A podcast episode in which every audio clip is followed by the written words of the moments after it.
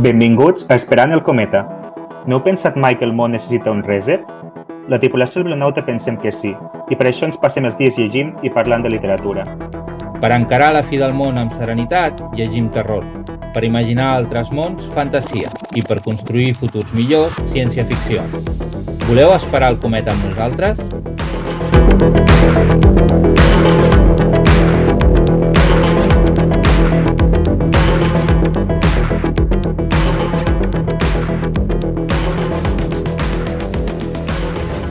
Benvinguts al quart episodi d'Esperant el Cometa, el podcast del Biblionauta.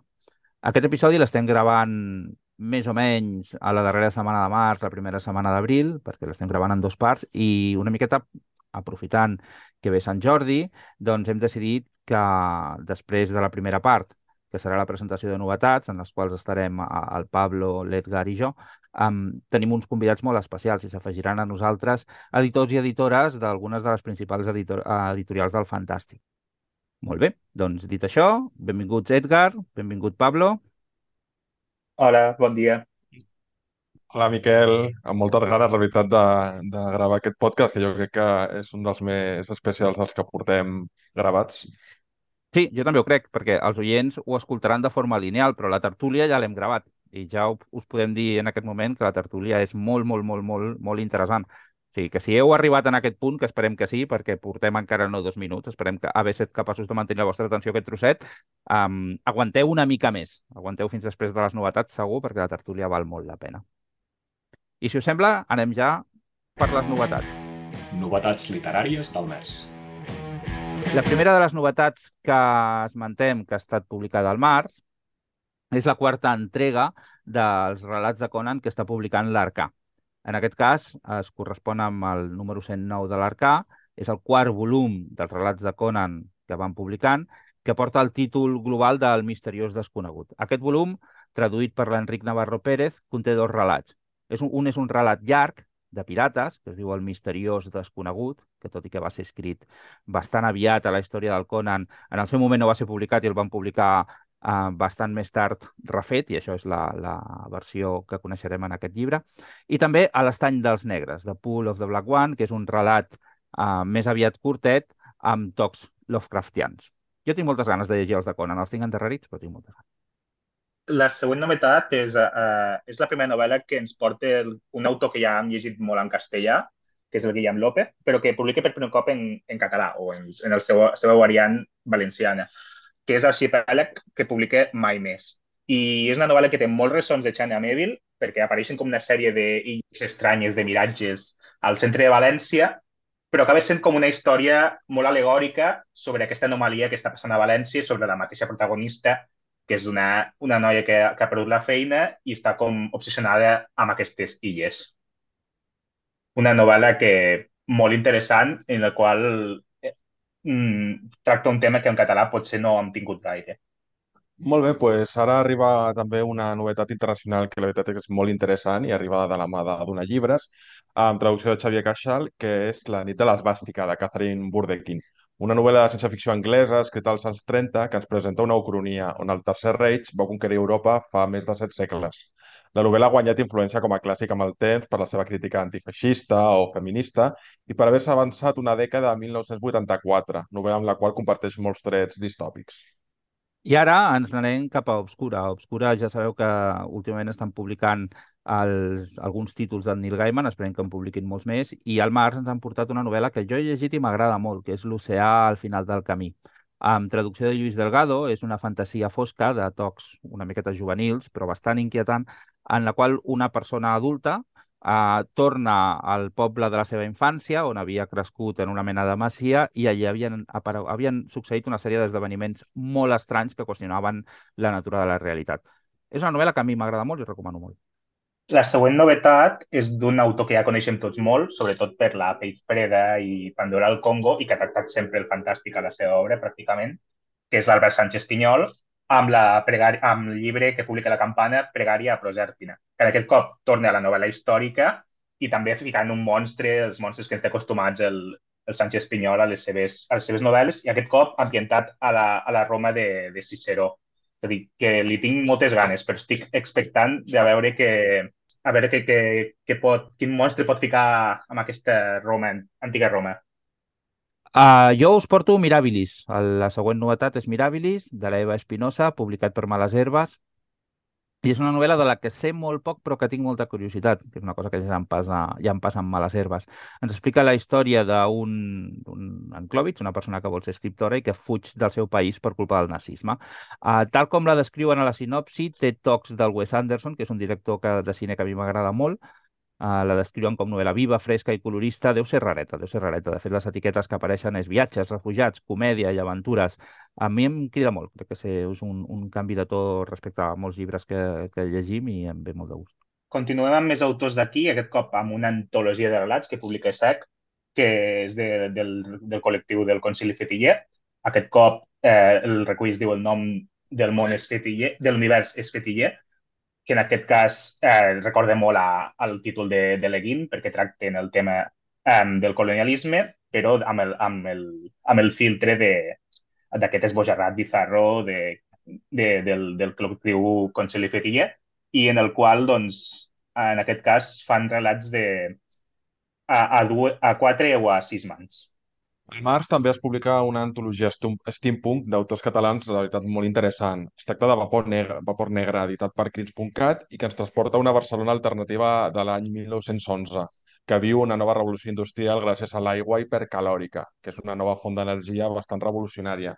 Amb aquesta ambientació trobarem relats de gent bastant eh, interessant del, del món del fantàstic en català, com són Jordi Fonagustí, Teresa Solana, Antoni Moner Jordà, Ampar Fernández, Andreu Martín, Margarida Aritzeta, Salvador Massip, Susana Hernández, Inés Macpherson, Carme Torres i Jordi de Manuel.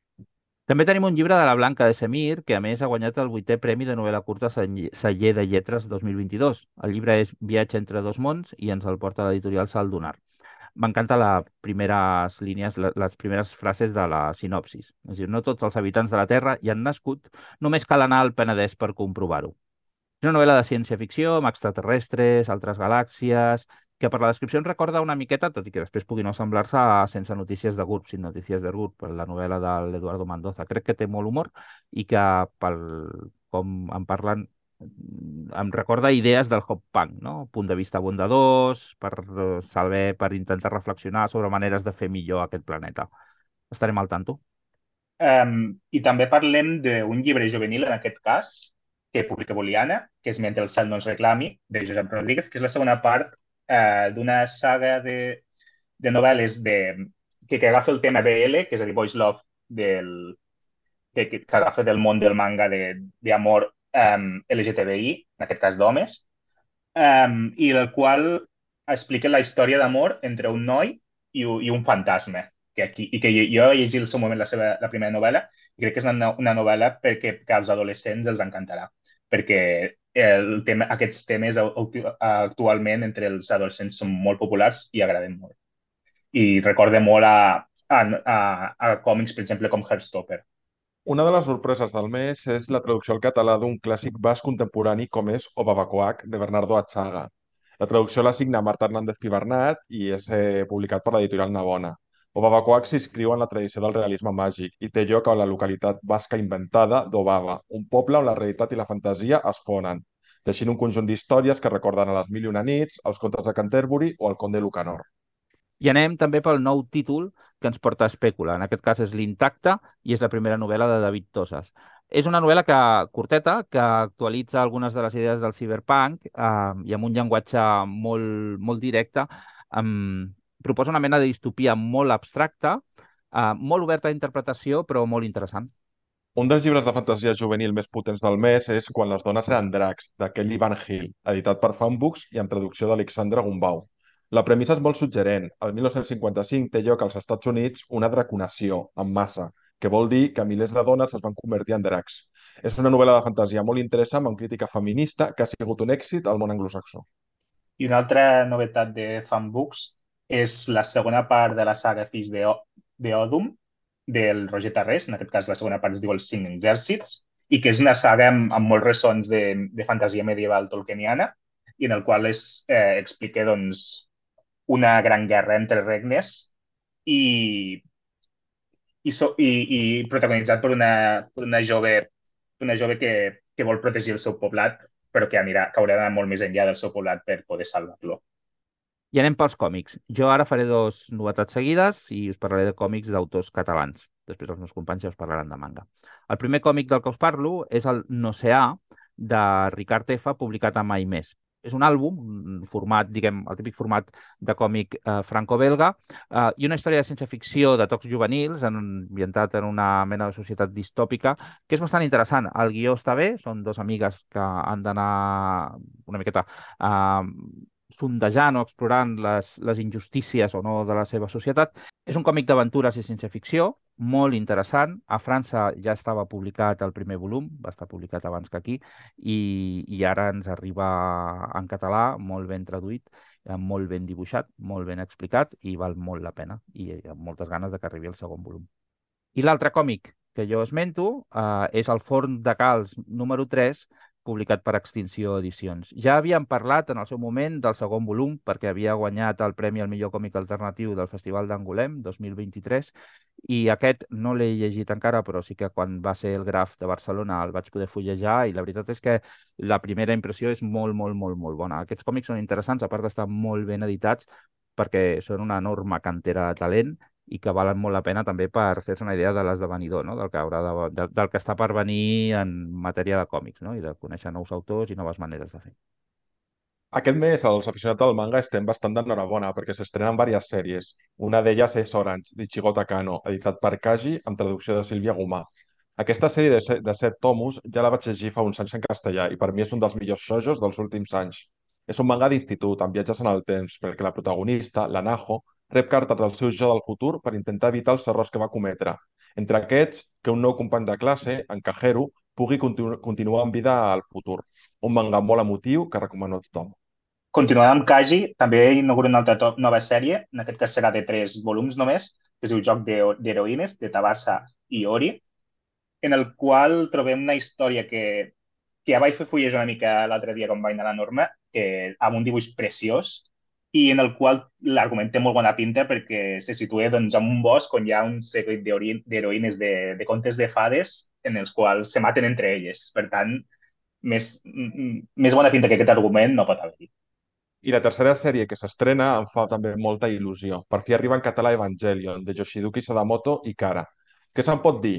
Un manga de culte gràcies al seu anime, una de les millors històries de ciència-ficció japoneses que ens porta Norma Editorial.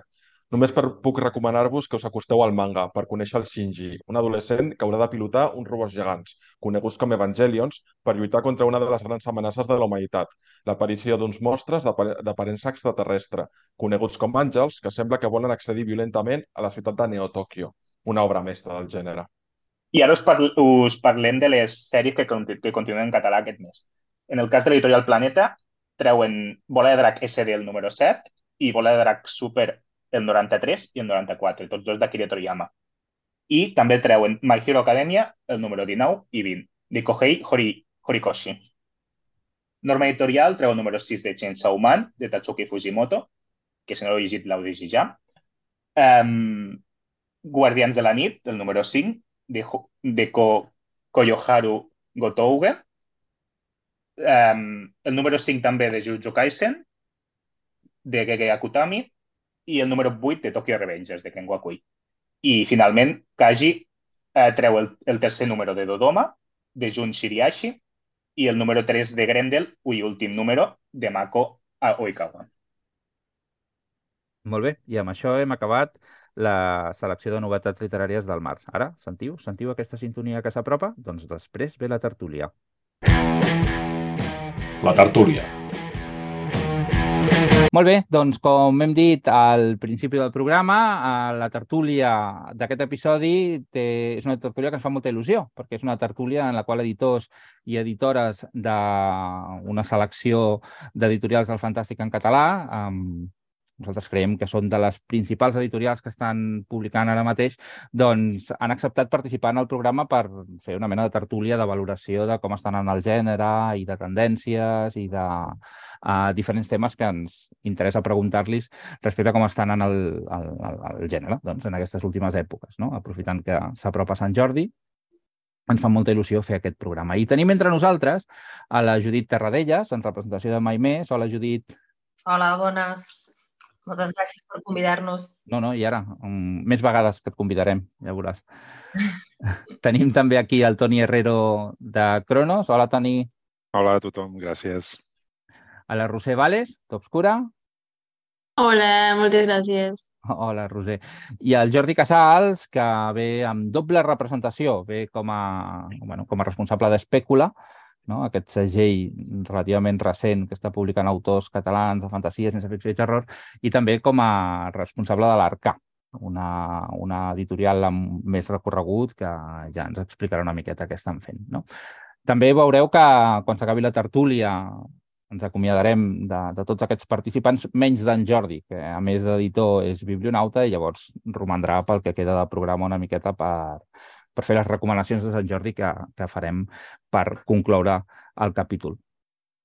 I un cop presentats, comencem amb les preguntes. I la primera pregunta la farà el Pablo. Endavant, Pablo. Eh, Judit, jo et volia preguntar a tu primer perquè, a part de Mai Més, eh, eh, heu engegat fa poc el, el projecte de donar llibres amb, amb Raig Verd i, a més a més, ha sortit ara la notícia, bueno, fa uns dies la notícia de, del model de subscripció que, que esteu fent per Duna, no? de pagar una quantitat cada mes a canvi de rebre els llibres, a més a més dèieu que eren eh, sis llibres a l'any, llavors m'agradaria preguntar-te si això vol dir que potenciareu aquest segell en conjunt, si, si publicareu pues això, sis novetats a l'any o variarà en funció de, de l'any.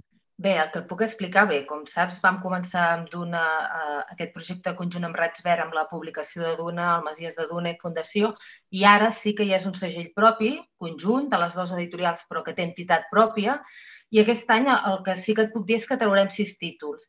L'any vinent aquest és el ritme que volem seguir, val?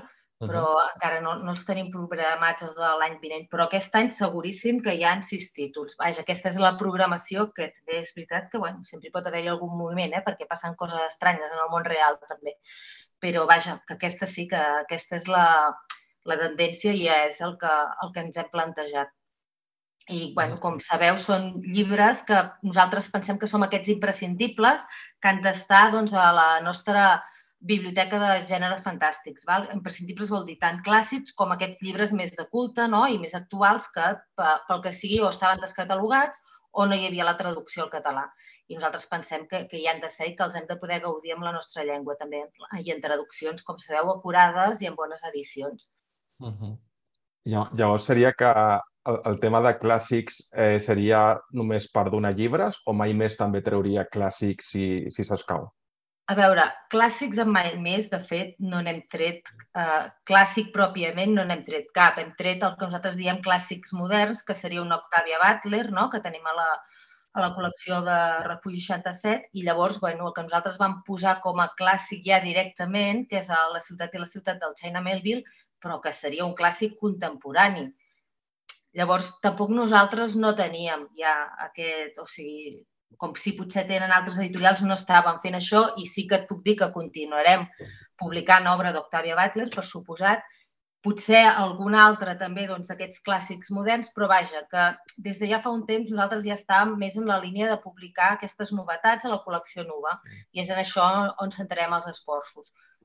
I llavors, bueno, tot aquesta, el tema més dels clàssics eh? Uh, sí, d'aquestes, sobretot d'aquestes edicions que estaven descatalogades o que, que volem recuperar, no? I perquè uh, tenen aquesta força i aquesta, i han de ser imprescindibles en la, en la nostra llengua, això sí que ho farem amb Duna. Molt bé. Molt bé. Uh, Mare va per tu, Judit. Ai, Judit. Um, Rosem.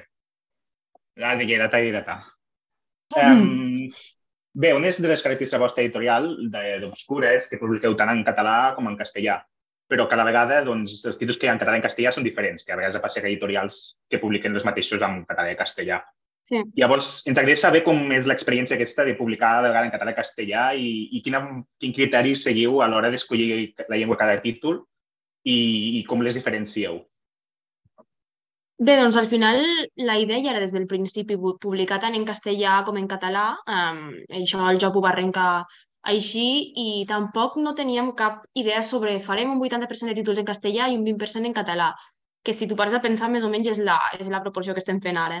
I, I la veritat és que ens agrada molt poder, poder tractar les dues llengües, no? doncs perquè són mercats que per poc que us sembli són bastant diferents i ens agrada no? doncs, doncs moure'ns en els dos.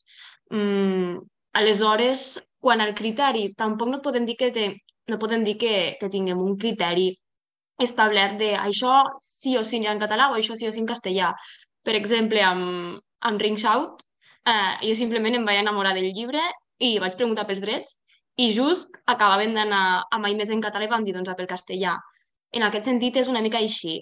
En castellà sí és cert que intentem fer més obres eh, contemporànies, bueno, autors actuals, tant traduccions com, com autors nacionals, i en català sí que vam començar més amb l'exorcista doncs, en el sentit d'intentar portar obres clàssiques que creiem que haurien d'estar en, en català, que és una mica el que estava dient ara la Judit amb, amb Duna i que creiem que és bastant necessari.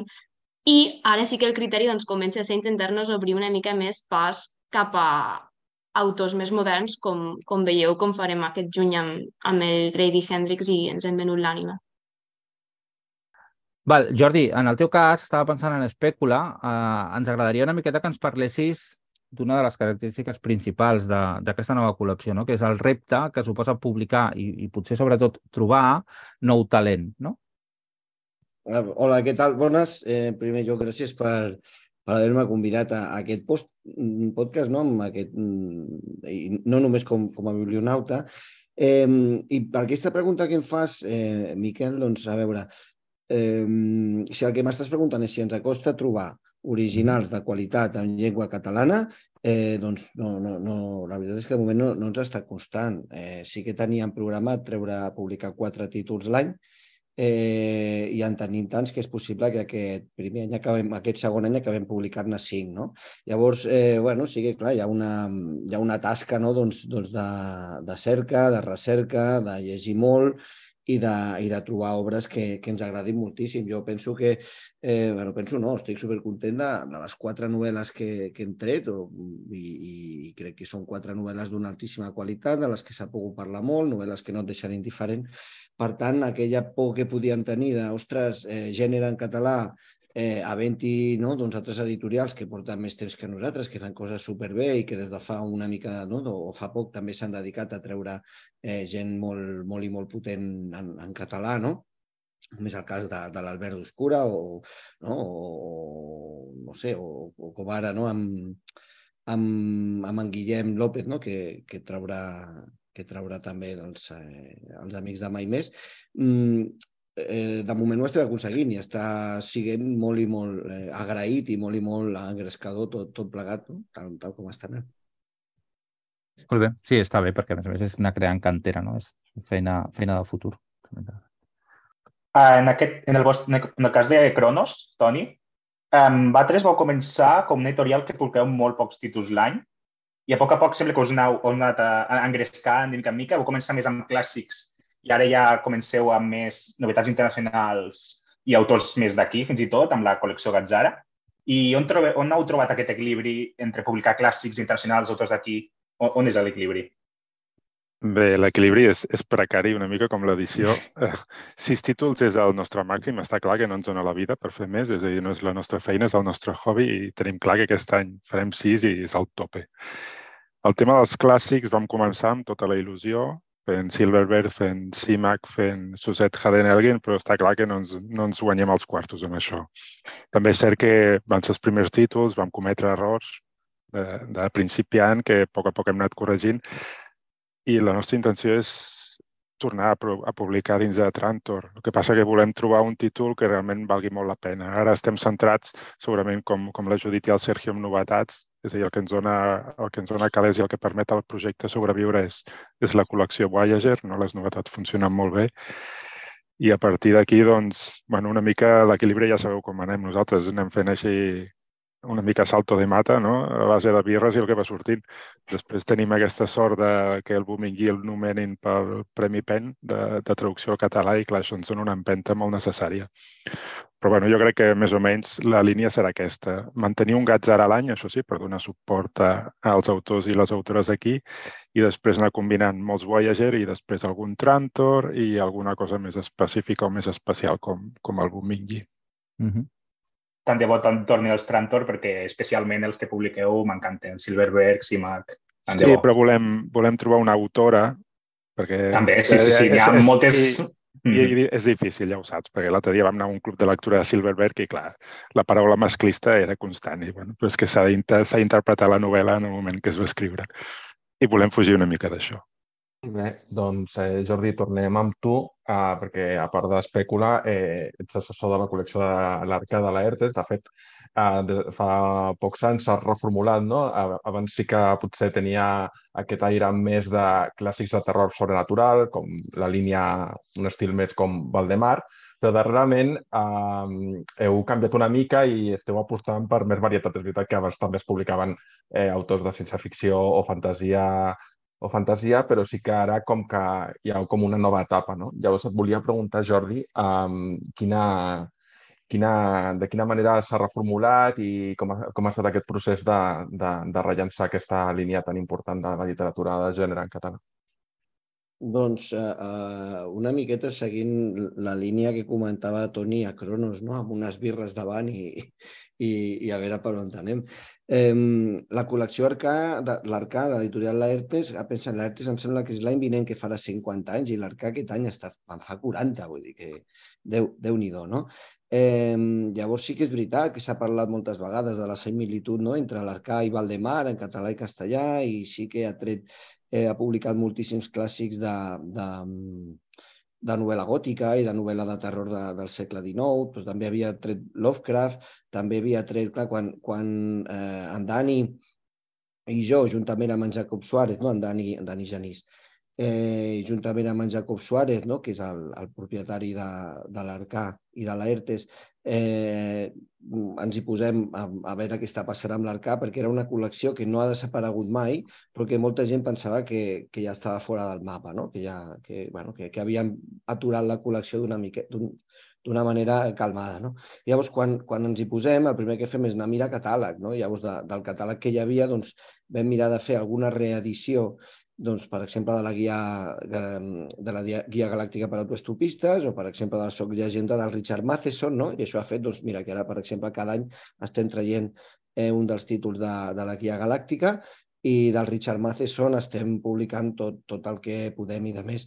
També estem continuant amb el Lovecraft, perquè de fet el que estem fent és, és ja hi havia alguns títols de Lovecraft, els estem, estem publicant Lovecraft, que de moment no, bueno, alguns no estaven eh, publicats, altres sí, amb traduccions, amb, amb noves traduccions i amb una mateixa, donant-li una mateixa línia, una mateixa portada, no? que totes les, les, mm, els, uh, les edicions de Lovecraft de l'Arcà doncs, tinguin el mateix portadista, en aquest cas Antoni Benages, i una miqueta, doncs, després és això, és el que diu Antoni, anem mirant de catàleg, ja tenim autors que ens agraden i que els volem continuar, no? com són en Douglas Adams, com és en Matheson, com és en Lovecraft, i després, doncs, de tant en tant, això, tenim alguna idea esborrejada, esborrejada mirem si el tema drets no és una animalada i, i llavors, doncs, ens, uh, si quadra, doncs ens hi tirem cap aquí. Sí, que no només es farà terror i no només es farà Douglas Adams, o sigui, tindrem altres autors també de, de ciència-ficció o... Sí, tindrem, podem tenir autors de ciència-ficció i per, per exemple, tindrem un autor de, de, de terror molt xulo cap a, cap a la tardor i, i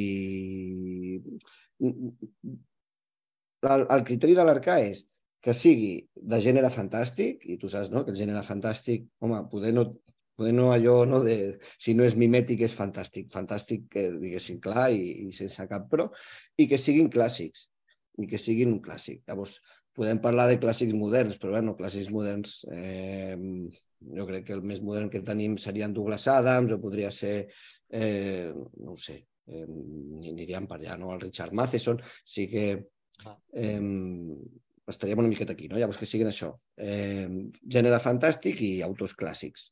Llavors, si és ciència-ficció, no passa per res. Si és terror, no passa per res. I, i, els, i els Conans, clar, que, que no ho he dit, perquè també estem amb, amb en Howard i poder també traiem... En Howard no només va fer, no només va fer espasa i bruixeria, llavors eh, poder també alguna altra cosa d'en de, Robert Howard, però una mica per aquí. Molt bé. Molt bé, hem tingut un primer contacte amb, amb cadascú de vosaltres i ara començarem amb les preguntes d'àmbit més generals que van adreçades a tots al mateix temps per afavorir una miqueta la interacció. Una mica la, per començar aquesta tertúlia al voltant de, de tendències i actualitat del gènere, bueno, podríem esmentar que Cronos, Obscura i mai més, per exemple, van néixer el 2019, l'Arcà es va reformular més o menys, reformular entre cometes, eh? però més o menys el 2021, i us volíem preguntar per què creieu que s'ha produït aquest boom d'editorials? Potser és un boom petit, però hi ha hagut un boom dintre de l'àmbit eh, català. I, I en el vostre cas, en el cas de cadascuna de les vostres editorials, què us va portar a llançar-vos a la piscina? Crec que nosaltres també quan vam començar, ja vam començar animats perquè ja es notava l'ambient, no? que cada vegada hi havia més editorials que anaven publicant gènere i que hi havia més interès per part dels lectors. D'això també us en podria parlar mm, més, el, més el joc, però nosaltres, doncs, la idea era ja d'entrada, mm, sense, ja des de 2018-2019, um, publicar gènere i publicar gènere en català, però també jo crec que ha estat la bona rebuda que està tenint el fet que ens ha animat a treure encara més, perquè des del començament potser no plantegem treure 3-4 títols a l'any en català i ens hi han animat doncs, els companys i, i la bona rebuda dels lectors. Ara, mm, quan aquest boom, doncs tampoc no, no sabria dir el, el per què, la veritat. Bé, nosaltres vam sortir en el sí d'una tarda fantàstica que es va fer a la setmana que precisament va promocionar el, el Ricard Ruiz Garzón, quan es va fer una tarda, una tarda temàtica volia dir que hi havia interès pel tema fantàstic.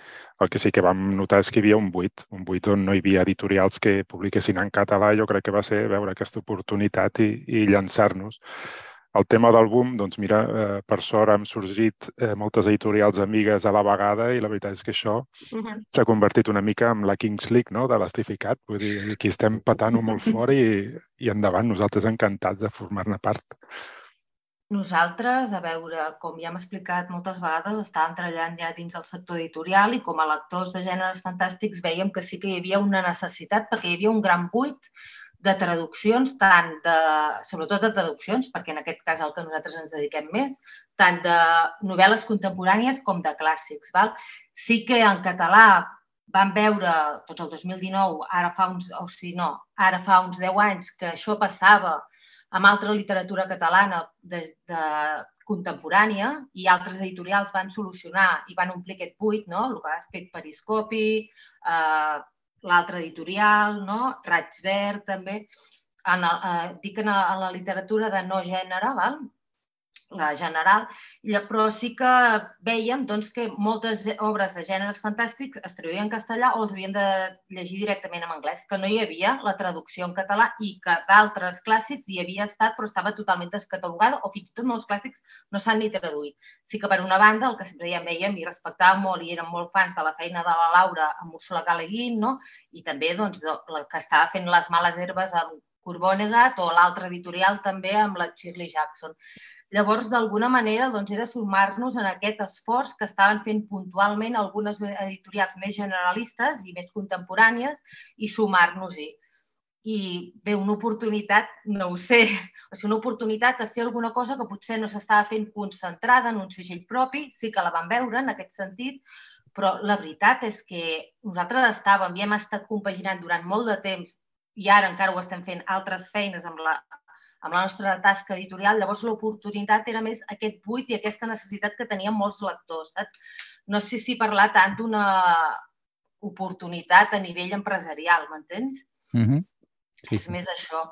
I llavors, al formar part d'aquest boom, bueno, va una mica lligat amb això, jo crec, no? que tots vam ser no, lectors conscients de que hi havia aquest buit i ens hem volgut sumar i posar el nostre gra de sorra d'alguna manera però bueno, no sé si parlar de boom, les xifres de lectors no sé si parlen realment d'un boom de gèneres fantàstics o és el que nosaltres volem veure o, o, o sigui, no ho sé.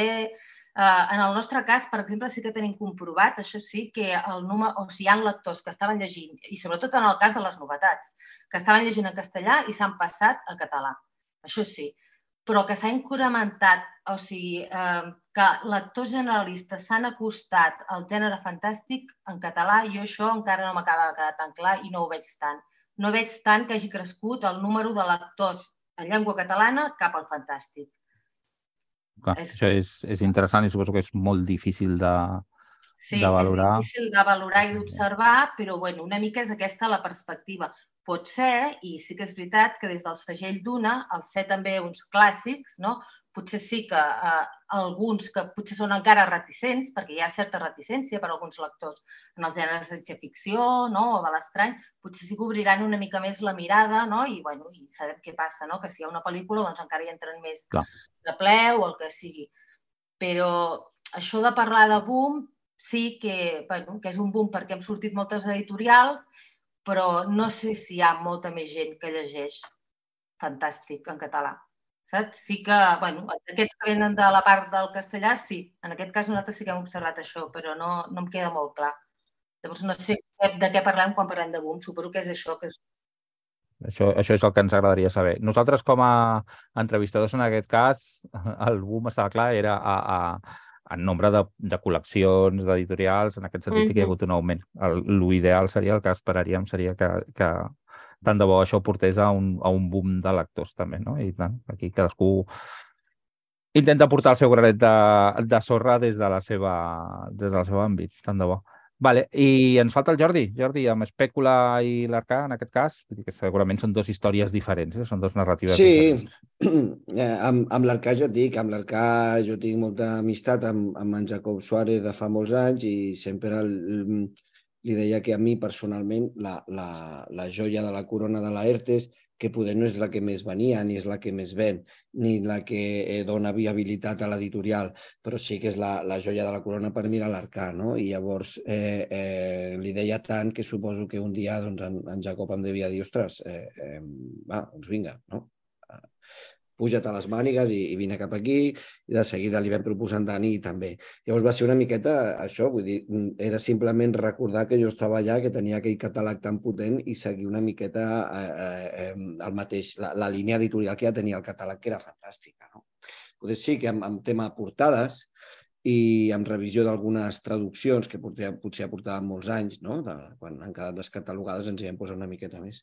I pel que fa a espècula, doncs, eh, va ser una proposta de, de, de Marc Moreno, que ja tenia llibres del delicte, una editorial que porta 10 anys, que funciona molt bé, i que funciona també des del punt de vista xalat de dir que només traurem autors de gènere, en aquest cas de gènere negre, que eh, siguin o que escriguin en, en llengua catalana. No? Llavors va ser una miqueta el mateix, em va dir que tenia ganes de, de fer mm, una editorial que fos de, de gènere i que fos d'autors catalans. I, i així és com, com, va, com va sortir. Eh, pel que fa mm, al, al boom, no? que, que em parlàvem, ostres, eh, Eh, no ho sé, potser que em preguntaves abans, no? si costava trobar uh, autors. Ostres, potser als autors els hi costava més trobar editorials que no a les editorials ens costa trobar autors, no? Perquè, clar, eh, en Jaume Valor, tot i que ja havia publicat, o la Inés Macpherson, o la Isabel del Río, o, no? aquesta gent eh, ara tenen més plataformes on de, de sortir. No? I el motiu pel qual crec jo que hi ha un boom, si és que podem parlar d'un boom amb tots els matisos no? que deia la Judit, Eh, jo crec que principalment és perquè eh, al final nosaltres eh, hem, hem agafat el poder, no? Vull dir, quan no, ja no tenim, malauradament, per segons que ja no tenim 20 anys, no? Llavors ara que tenim 40, 35, 50, podem fer allò que ens agrada i ja que hem de muntar un projecte, doncs muntem un projecte d'allò no? que ens ha agradat sempre, no? Llavors, eh, crec que, que, que tot aquest eh, eh, cau de, de, de, no? de, de, o aquest cultiu no? que ja portaven doncs, això, l'arcades de feia 40 anys, però també amb un, eh, amb un Jordà Pagès, eh, Males Herbes també havia obert el camí perquè ja porta 10 anys, doncs crec que ara doncs, ha sigut, ostres, que xulos pot fer això, hi havia habilitat per fer això i ens agrada fer això. I llavors, clar, evidentment, després, Festival 42 és un èxit, no? La CatCon cada any va més, ja no et dic el Celsius, el Saló del Còmic, el Saló del Manga, eh, el Festival de Sitges, eh, públic n'hi ha. Sí que és veritat que si el que volem és fer que els lectors generalistes, igual que poden mirar Joc de Trons, no es puguin agafar una Simov o puguin agafar una, una Inés Macpherson o puguin agafar un Tchaikovsky, doncs, eh, bueno, poder encara quedar camí. Però, com a mínim, el lector que vol llegir gènere de qualitat, ben editat i en la seva llengua, eh, ho pot fer. Fins i tot manga ara, no? I còmic. Mm. És una pregunta, és una pregunta jo crec que ens hem fet tots, no? Fins a quin punt aquestes noves publicacions que surten en català eren simplement perquè hi havia un buit que, que es podia haver omplert fa anys i que la casualitat ha donat que s'hagi omplert de 2019 cap a, cap a l'actualitat. I sí que és una pregunta interessant això, en plan, tenim més lectors o són els lectors que llegien en castellà perquè no hi havia oferta i llavors ara que hi ha oferta doncs s'ha passat al, al català. No sé si, si tu, Toni o, o Roser teniu alguna opinió de si hi ha més lectors o són els de sempre. Bueno, jo pel que em transmetia el Gonzalo, que, que és qui anava al Celsius, deia que la meitat de la gent que hi havia allà eren catalans. Vull dir, realment és, segurament no llegia en català perquè no tenien l'opció. Vull dir, la Judit també ho ha dit molt bé. Hi havia aquest buit, realment valia la pena i no sé, també és, és un acte de militància. Vull dir, jo crec que és la nostra llengua, l'hem de defensar, s'ha de publicar en català i jo dubto molt, sincerament, que en castellà es puguin trobar edicions com les de l'exorcista o de la o la Butler amb, amb aquesta qualitat de, de l'edició, de la traducció. Potser també els lectors trobaven a faltar això, no? Més enllà del gènere, que sovint se l'ha publicat però una mica maltractat, no? amb unes traduccions que no, que no eren ben acurades, amb unes cobertes que a vegades feien una mica sagna als ulls, que tu trobis uns caramelets com els que publiquen Obscura o mai més, o fins i tot ara els companys de l'ERTES que, és que, i d'Espècula, no? que estan redissenyant tot, a, tot aquest aspecte visual. La veritat és que és molt atractiu. Jo com a lector, com a mínim, m'hi deixo mm. molt als quartos. Sí, no, jo estic d'acord amb això que diu el Toni del tema de, de la llengua, no? el fet de que abans doncs, no hi hagués cert tipus d'obres en català i els lectors en català no les tinguessin disponibles i haguessin de, de tirar pel castellà o per l'anglès, doncs ara jo crec que doncs, ho aprecien molt el fet de poder llegir certs autors i certes autores en, en català i això de les edicions també és cert perquè doncs a nosaltres també ens fa molta il·lusió quan gent que ens diu oh, sé que hi ha l'edició en castellà però llàstima no llegir en català, gent que ens diu de fora, eh, perquè me la compraria en català, que doncs això també, no, també és cert. No sé si és quan a qualitat pot ser, però sí que doncs, jo veig moltes editorials doncs, petites, independents aquí, que fem molts esforços per, per posar qualitat a les edicions, corregir molt, revisar molt, cobertes modernes, xules, atractives. I ara que parlem una mica de la rebuda aquesta que, eh, dels lectors i tot plegat, i que porteu també uns anys i ja teniu una, una certa, un cert bagatge, um, ens interessaria saber si, si heu explorat una mica um, i si, sabe, si coneixeu si funcionen millor coses com novel·les, us funcionen millor les novel·les o els reculls de relats, assaigs, com, com funciona cada cosa, cada, cada tipus, cada format? Inclús còmic, no?, que acaben de començar. I, i còmic també, sí, amb, amb Mai Més o... A veure, és difícil de dir. A veure, és que, clar, el, típic que es diu, no? Funciona molt millor la novel·la que els contes. Val, sí, però Tetxian només fa contes i ens ha funcionat superbé. Saps què et vull dir? És difícil de dir. Nosaltres, en aquest sentit, no ens guiem pels gèneres de narratius, vull dir, no? I d'assaig només hem fet la biografia assaig, vaja, no ficció, la biografia del Pratchett, de, del Rob Wilkins, i ens ha funcionat molt bé tant en català com en castellà. Llavors, tampoc no et puc dir molt perquè no, no tenim tanta varietat i no, no veig tant una diferència per aquí. En el, en el tema còmic sí que es nota la diferència, però clar, sempre depèn de l'autor també. Es nota la diferència perquè tot just ara nosaltres i d'altres fa més temps que s'hi han posat, no? però d'altres també estan començant, ens estem posant en el còmic en català. Llavors, encara falta doncs, tot aquest espai que hem creat nosaltres entre tots, els gèneres fantàstics, amb el còmic encara no s'ha creat, potser, o s'està creant, i llavors hi ha moltes llibreries doncs, que encara no tenen potser una, una lleixa no?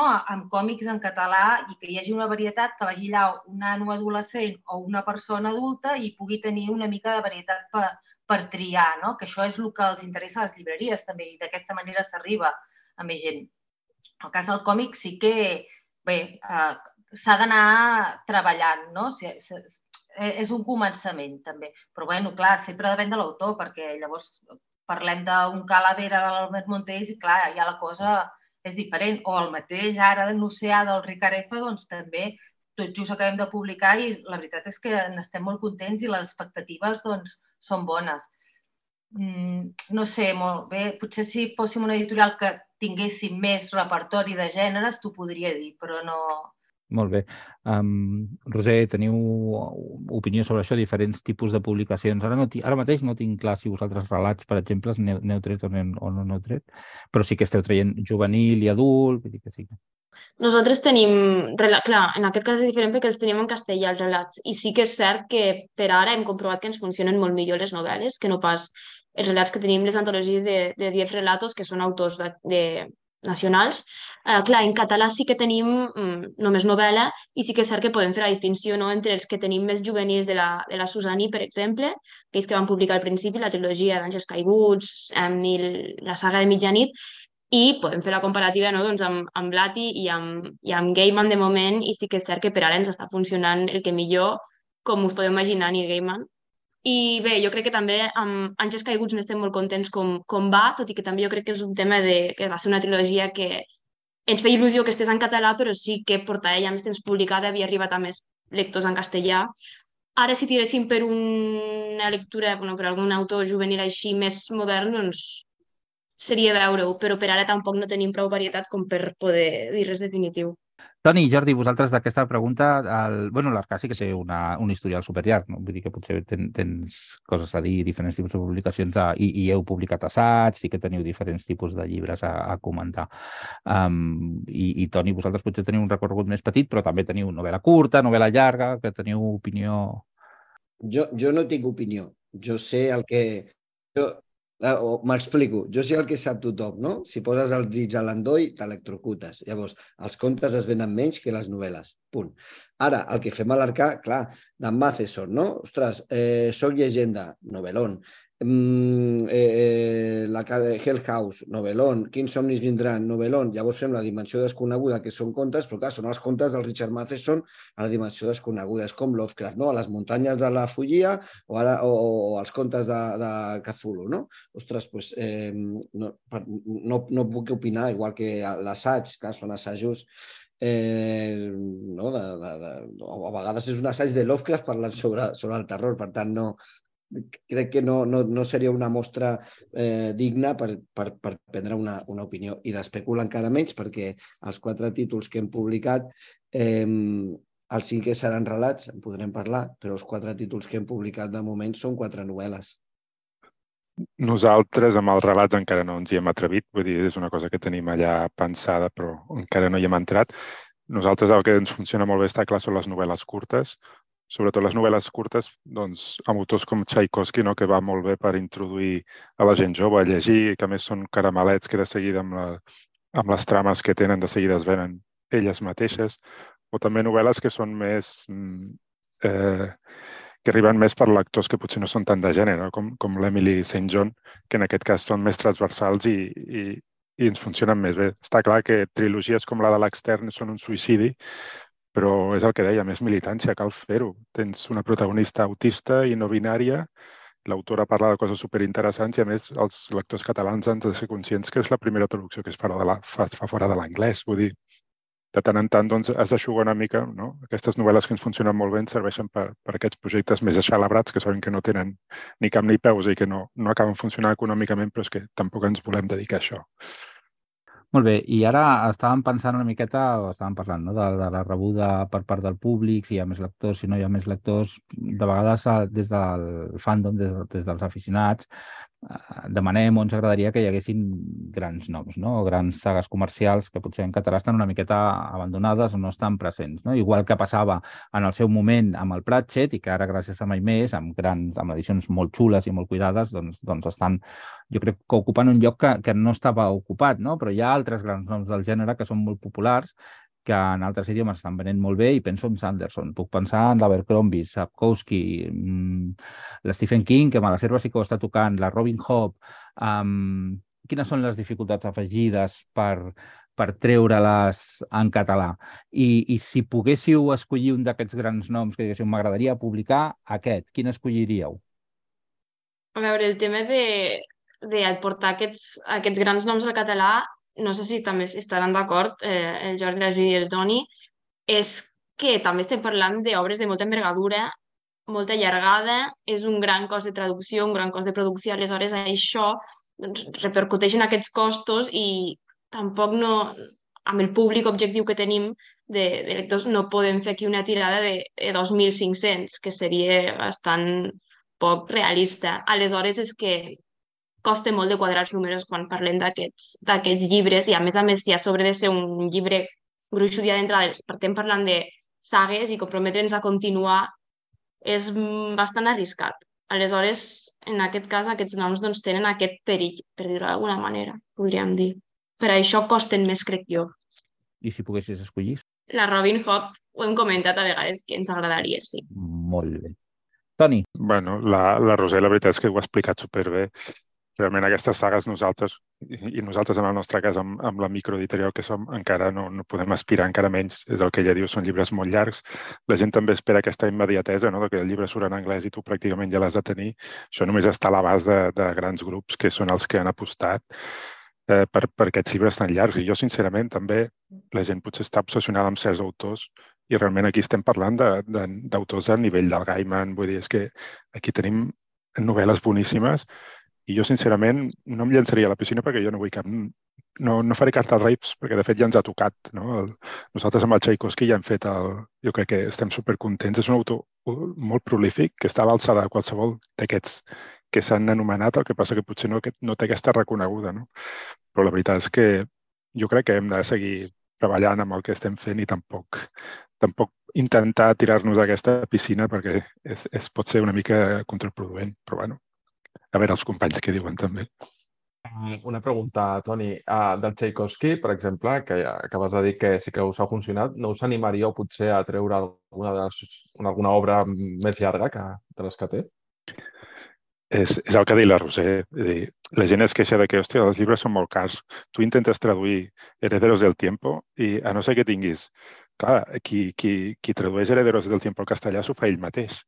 Vale? Aleshores s'estalvia, diguem-ne, clar, és, és inassumible. No sé que tinguis una, una subvenció per darrere molt potent, eh, nosaltres ens aniríem a la ruïna. És a dir, us faríem contents a vosaltres i immediatament anunciaríem que tanquem l'editorial. No volem això, eh? No. Uh, a veure, nosaltres ja ens vam embarcar i estem embarcats en una aventura d'aquest tipus i que n'estem supercontents, que és uh, la col·lecció a Twin de Terry Pratchett.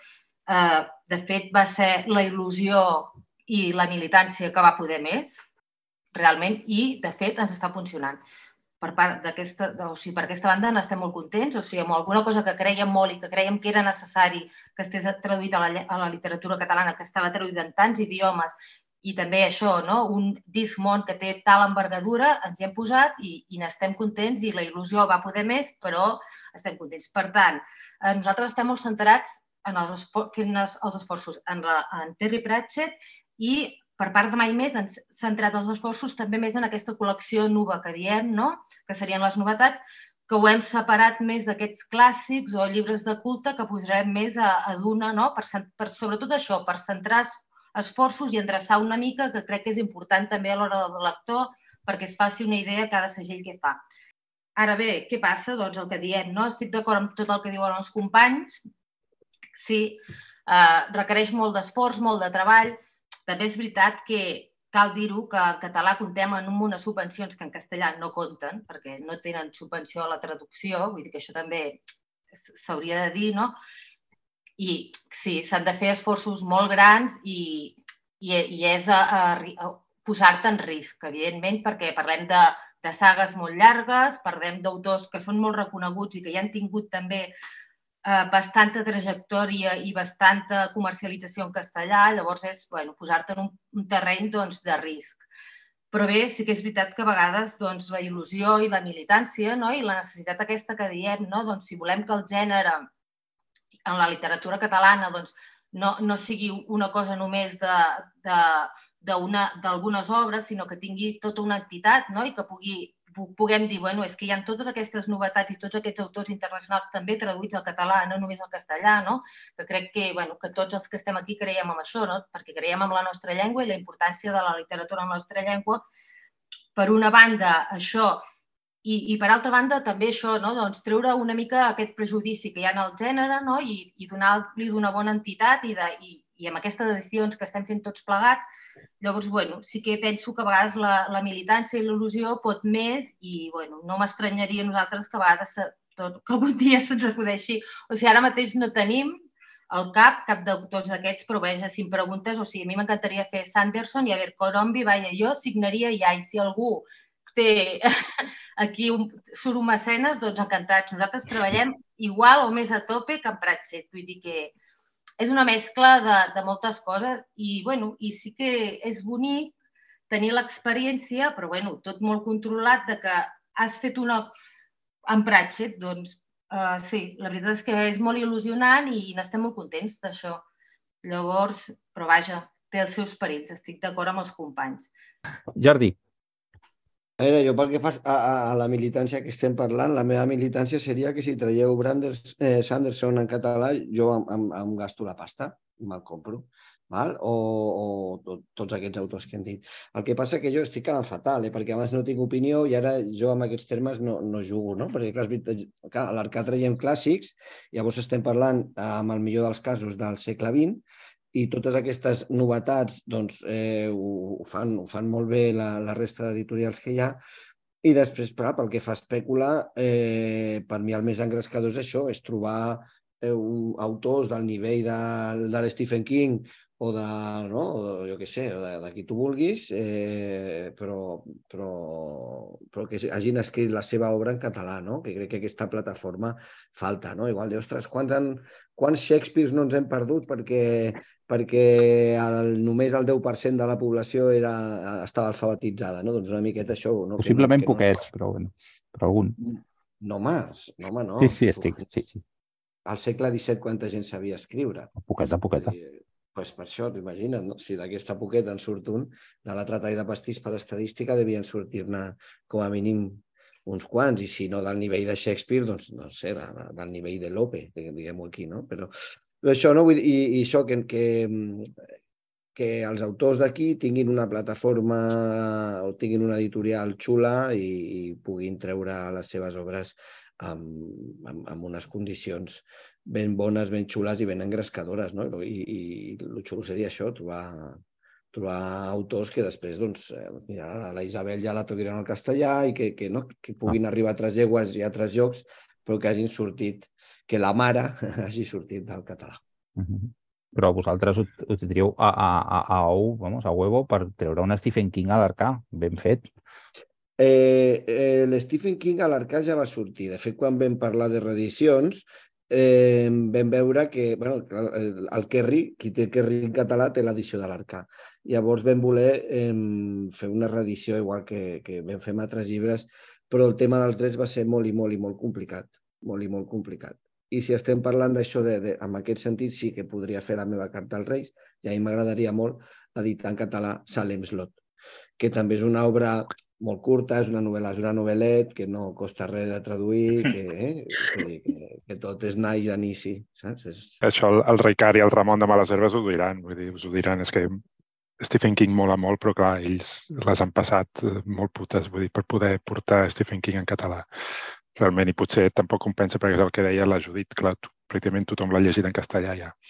I després també hi ha una qüestió de, de militància, que són molts, eh? els que ens comprem Linus Marvel i no els traiem del blister i els que comprem l'obra en català perquè ens agrada en català, però clar, eh, tu pots trobar molts d'aquests autors en castellà amb edicions de butxaca per 7 euros. Llavors, clar, entre pagar mm, no, 22 i que sigui pràcticament deficitari si no hi ha subvenció o comprar-lo per 7, el, el, home, alguna faràs, però saps? A vegades també això pot ser un problema. Pues mira, jo us volia preguntar, ja que és, bueno, aquest tema del risc, no? el risc econòmic dels grans autors, però també volia parlar d'un altre risc que, que és molt, molt més actual, que és el tema d'aquesta triple crisi que està arrossegant el, el sector editorial. Va començar amb el paper, ha continuat amb, amb la inflació i fins i tot hi ha hagut eh, problemes amb, amb una de les distribuïdores més importants de, de Catalunya, que crec que ja s'ha resolt, però m'agradaria preguntar-vos com veieu des de les editorials aquesta triple crisi, si us ha afectat molt o no tant, i si penseu que anirà pitjor o que ja ens en sortirem. Sí, a veure, nosaltres poc, podem dir perquè no, com no estem a la roda, diguem-ne, econòmica, d'això no, no tenim tantes urgències, però sí que és cert que la patacada, pel que coneixem de companys, per exemple, de llegir en català ha sigut molt forta, sobretot el tema de la distribució i de més. I el tema del paper, doncs clar, tot, tot puja. Nosaltres intentem ajustar-nos als preus i no traslladar-ho als, als lectors, però la veritat és que costa molt, costa molt i igual que la gent és conscient de que va al súper i ara li costa molt més comprar, doncs nosaltres ens passa el mateix, però en el nostre súper, no? És, és complicat, no sé si ens n'hem sortit, ens en sortirem, és complicat. Nosaltres, eh, a veure, per la nostra banda, ara que estàvem fent tot el tema de números, no? també perquè ara toca el trimestre i, i fer totes les liquidacions dels drets d'autor i és quan t'assabentes una mica, dius, a veure, o sigui, això, aquest mes va passar això, però a veure, no? l'altre va haver-hi el tema de la distribució, l'altre no sé què. Doncs realment eh, ens hem mantingut bastant igual que l'any passat. Ha baixat una mica, potser, però també és veritat que nosaltres l'any passat no vam treure tants de títols perquè, bueno, per raons personals no vam poder. I també perquè hi ha altres títols que ja els estem posant en el nou segell que és d'una.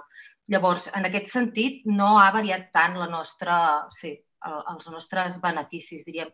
I l'altra cosa és que ja ho sabem, o sigui, nosaltres eh, ja feia temps que treballàvem al sector editorial i ja sabem que és un sector que no és, o sigui, que no ens hi posem aquí per... O sigui, que, que ja sabem, o, o sigui, és un sector que està permanentment en crisi. Quan no és una cosa és l'altra, saps? I que els números s'han de fer molt delicadament, però bé, no, es poden fer coses també, sí, i es pot fer, doncs mira, per exemple, un Dune es pot publicar en català i es poden pagar bastants de drets d'autor perquè te'ls demanen i, i surt bé. I s'ha venut perquè vale, sabem que la pel·lícula hi ha ajudat o el que sigui, vull dir que, que sí, que sabem que estem en un sector doncs, que, que no estem en el sector de l'automòbil, que també tindrà la seva crisi, saps? Vull dir, però vaja, que tots estem aquí pel que dèiem, no? sobretot per la il·lusió que ens mou i perquè creiem molt en els nostres projectes i, i perquè els mimem i perquè ens agrada doncs, fer eh, edicions amb, amb cura no? I, i, i perquè creiem que hi han d'haver-hi unes bones traduccions i llavors, bueno, tot això i també cal dir el que dèiem abans, que hi ha unes bones subvencions en aquest sentit de la Generalitat, perquè si no ja parlaríem d'un altre tema. Això també és veritat, vull dir que seria difícil que sostingués, eh? Llavors, bé, vull dir que jo crec que és això, que és un sector que el cultural ja ho és en general i el món de l'edició també, que és permanentment en crisi i que hi ha molts que hi, so, que hi som perquè estem il·lusionats, perquè creiem en els projectes i perquè ens sobreexplotem nosaltres mateixos, també cal dir-ho perquè sí, també això és, costa posar-hi moltes hores. Però bueno, jo crec que de moment recompensa no? a tots, si no, no estaríem aquí també. No, sí, tant. Vull dir, nosaltres a, a Obscura la veritat és que ja treballar així una mica treballar en la nostra zona de confort, perquè vam treure un títol, el primer títol, i als quatre dies va tancar tot. Llavors ja és anar d'una cosa en l'altra. Les crisis són la gasolina que ens manté a nosaltres amb, amb vida, no. Um, però, clar, mm, primer va ser el Covid, després el paper, és cert, i llavors sí que s'està estabilitzant una mica, però clar, la inflació ha anat a pitjor. Ara ja no sé si ha arribat un punt que simplement ja no ens adonem de, de la pujada perquè ja ens hi hem acostumat. També és cert que nosaltres el tema de la distribució, tota aquesta, aquest embolip que va haver-hi amb, amb entre dos, um, sí que ens ha afectat la veritat és que sí que hem fet el balanç i, i hem vist que ha afectat el, el segon semestre de l'any passat, però tot i així és una mica, doncs, al final el que el resum és el que diu la Judit, que tampoc ens hem posat a, a editar fantàstic per fer-nos rics i al final és posar tot, totes les ganes en el projecte i mentre pugui seguir endavant seguirà. I ja està. Eh, a veure, eh, la, la, la, la ERTES és d'un senyor que es diu Jacob Suárez i Espècula és d'un senyor que es diu Marc Moreno, no? Eh, jo saps aquell disc, ha un disc de Frank Zappa que diu We are only on it for the money? Doncs jo sóc molt fan de Zappa, però al revés. Jo vinc aquí perquè m'ho estic passant superbé, ah. eh, saps? Eh, m'ho estic passant superbé, evidentment, sí, home, no? que, que hi ha una, moltes recompenses i una d'elles eh, és econòmica també, no? Pues una miqueta eh, el que deia Antoni a Cronos, vull dir, jo, jo tinc una altra feina, jo sóc profe d'un institut i, i llavors aquí, eh, evident, clar, eh, sí, ja, ja, ja, ja, sé com van, ja sé com van les coses. En aquest sentit, nosaltres hem tingut molta sort perquè, perquè no estàvem amb aquestes distribuïdores, hem tingut molta sort perquè hem començat de zero amb espècula i llavors tot és positiu i fins i tot tot és sorprenent i tot és meravellós i l'Arcà, doncs el que dius tu, des de l'any 21 cap a ostres, eh, ha fet un salt molt i molt gran. Ara veurem on ens estabilitzem, on ens academ, i, i llavors podem parlar, no sé, d'aquí uns anys te podré dir doncs, doncs, si la cosa ha baixat, ha pujat, ha, saps? Però de moment, eh, clar, són, són el que deia, no? La, la Judit, són crisis que, que afecten a tot el sector, des del paper fins a que no hi ha, o diuen que no hi ha tants de lectors, fins a això, no treure un dune que plores, quan el tens a les mans plores, pel que deia al costat el tens en castellà per 7 euros. No? Bueno, hòstia, una... que guai que es vengui perquè és una qüestió de militància. No? Eh, llavors, eh, una miqueta seria això, però això, el disc de Zapa, eh? estem aquí per, per, per militància, perquè ens agrada, perquè ens ho passem bé i perquè ho, després quan tenim en la mà diem, uah, quina passada, no? és com, com una criatura. I si a més a més la cosa té viabilitat econòmica en el sentit que no, que no ens anem a... que, que no ens està veient, doncs, ostres, meravellós, i endavant i a créixer. Sí, bueno, la, la militància en un mercat de tamany relativament reduït jo crec que és un requisit indispensable moltes vegades. I traiem l'últim tema que volíem obrir, que, que es va debatre una mica amb els articles que va fer la Sara Martín i, amb, i per xarxes, també amb la publicació dels Homes dels Ulls Compostos i ara també, per exemple, amb el llibre de l'Anna Starobinets, que és el tema d'aquests autors no anglosaxons no? i que escriuen en llengua que no sigui l'anglès. És a dir, teniu previst seguir potenciant autors de no anglosaxons i, i d'obres no escrits en anglès? Nosaltres sí, és una cosa que volem fer. El que passa que bueno, és complicat. De fet, ara mateix tenim, per exemple, volem traduir una novel·la de ciència-ficció d'un autor brasiler i l'estem sondejant. Però clar, és lo típic. Quan és una llengua que no és la teva i no és l'anglès, tens una dificultat per accedir-hi. És a dir, jo aquí crec que eh, noves tecnologies com, com, com el xap GPT i totes aquestes intel·ligències artificials, si a mi em serveixen per tenir una traducció, encara que sigui matossera, d'un llibre, poso del del portuguès o del croat i a mi em serveix per validar si això m'interessa publicar-ho, jo ho trobo molt interessant, però clar, fins ara tenim una barrera, jo el Bumingui perquè ens ho va proposar uh, la Sílvia Fustagueres, que és una, és una lectora de xinès, i ella l'havia llegit i sabia que ens podia interessar, però clar, nosaltres hi vam arribar gràcies a través d'ella, no? Però jo crec que en el cas de la ciència-ficció, i sobretot nosaltres, és molt necessari sortir d'aquest món anglosaxó i però clar, és, Costa, costa, i el Booming ha funcionat molt bé, però, però també ens la podíem haver fotut. Sí, jo estic totalment d'acord amb el que diu el Toni també. Jo amb la dificultat que em veig és que haig de llegir-ho alguns a, a través de llengües, pot, diríem, no, el castellà, la versió castellà o la versió en anglès. Llavors, clar, és, em resulta més fàcil doncs, tirar de, d'autores o autors anglosaxons per això, però sí que estem fent un esforç en aquest sentit i, i traurem i publicarem perquè volem, perquè creiem que és imprescindible també doncs, això, no? que no només hi hagin, perquè vaja, tota aquesta diversitat i tota aquesta varietat de llengües doncs, també eh, aporta una nova varietat d'idees no? que creiem que, que, és, que és necessari que les volem llegir en català també.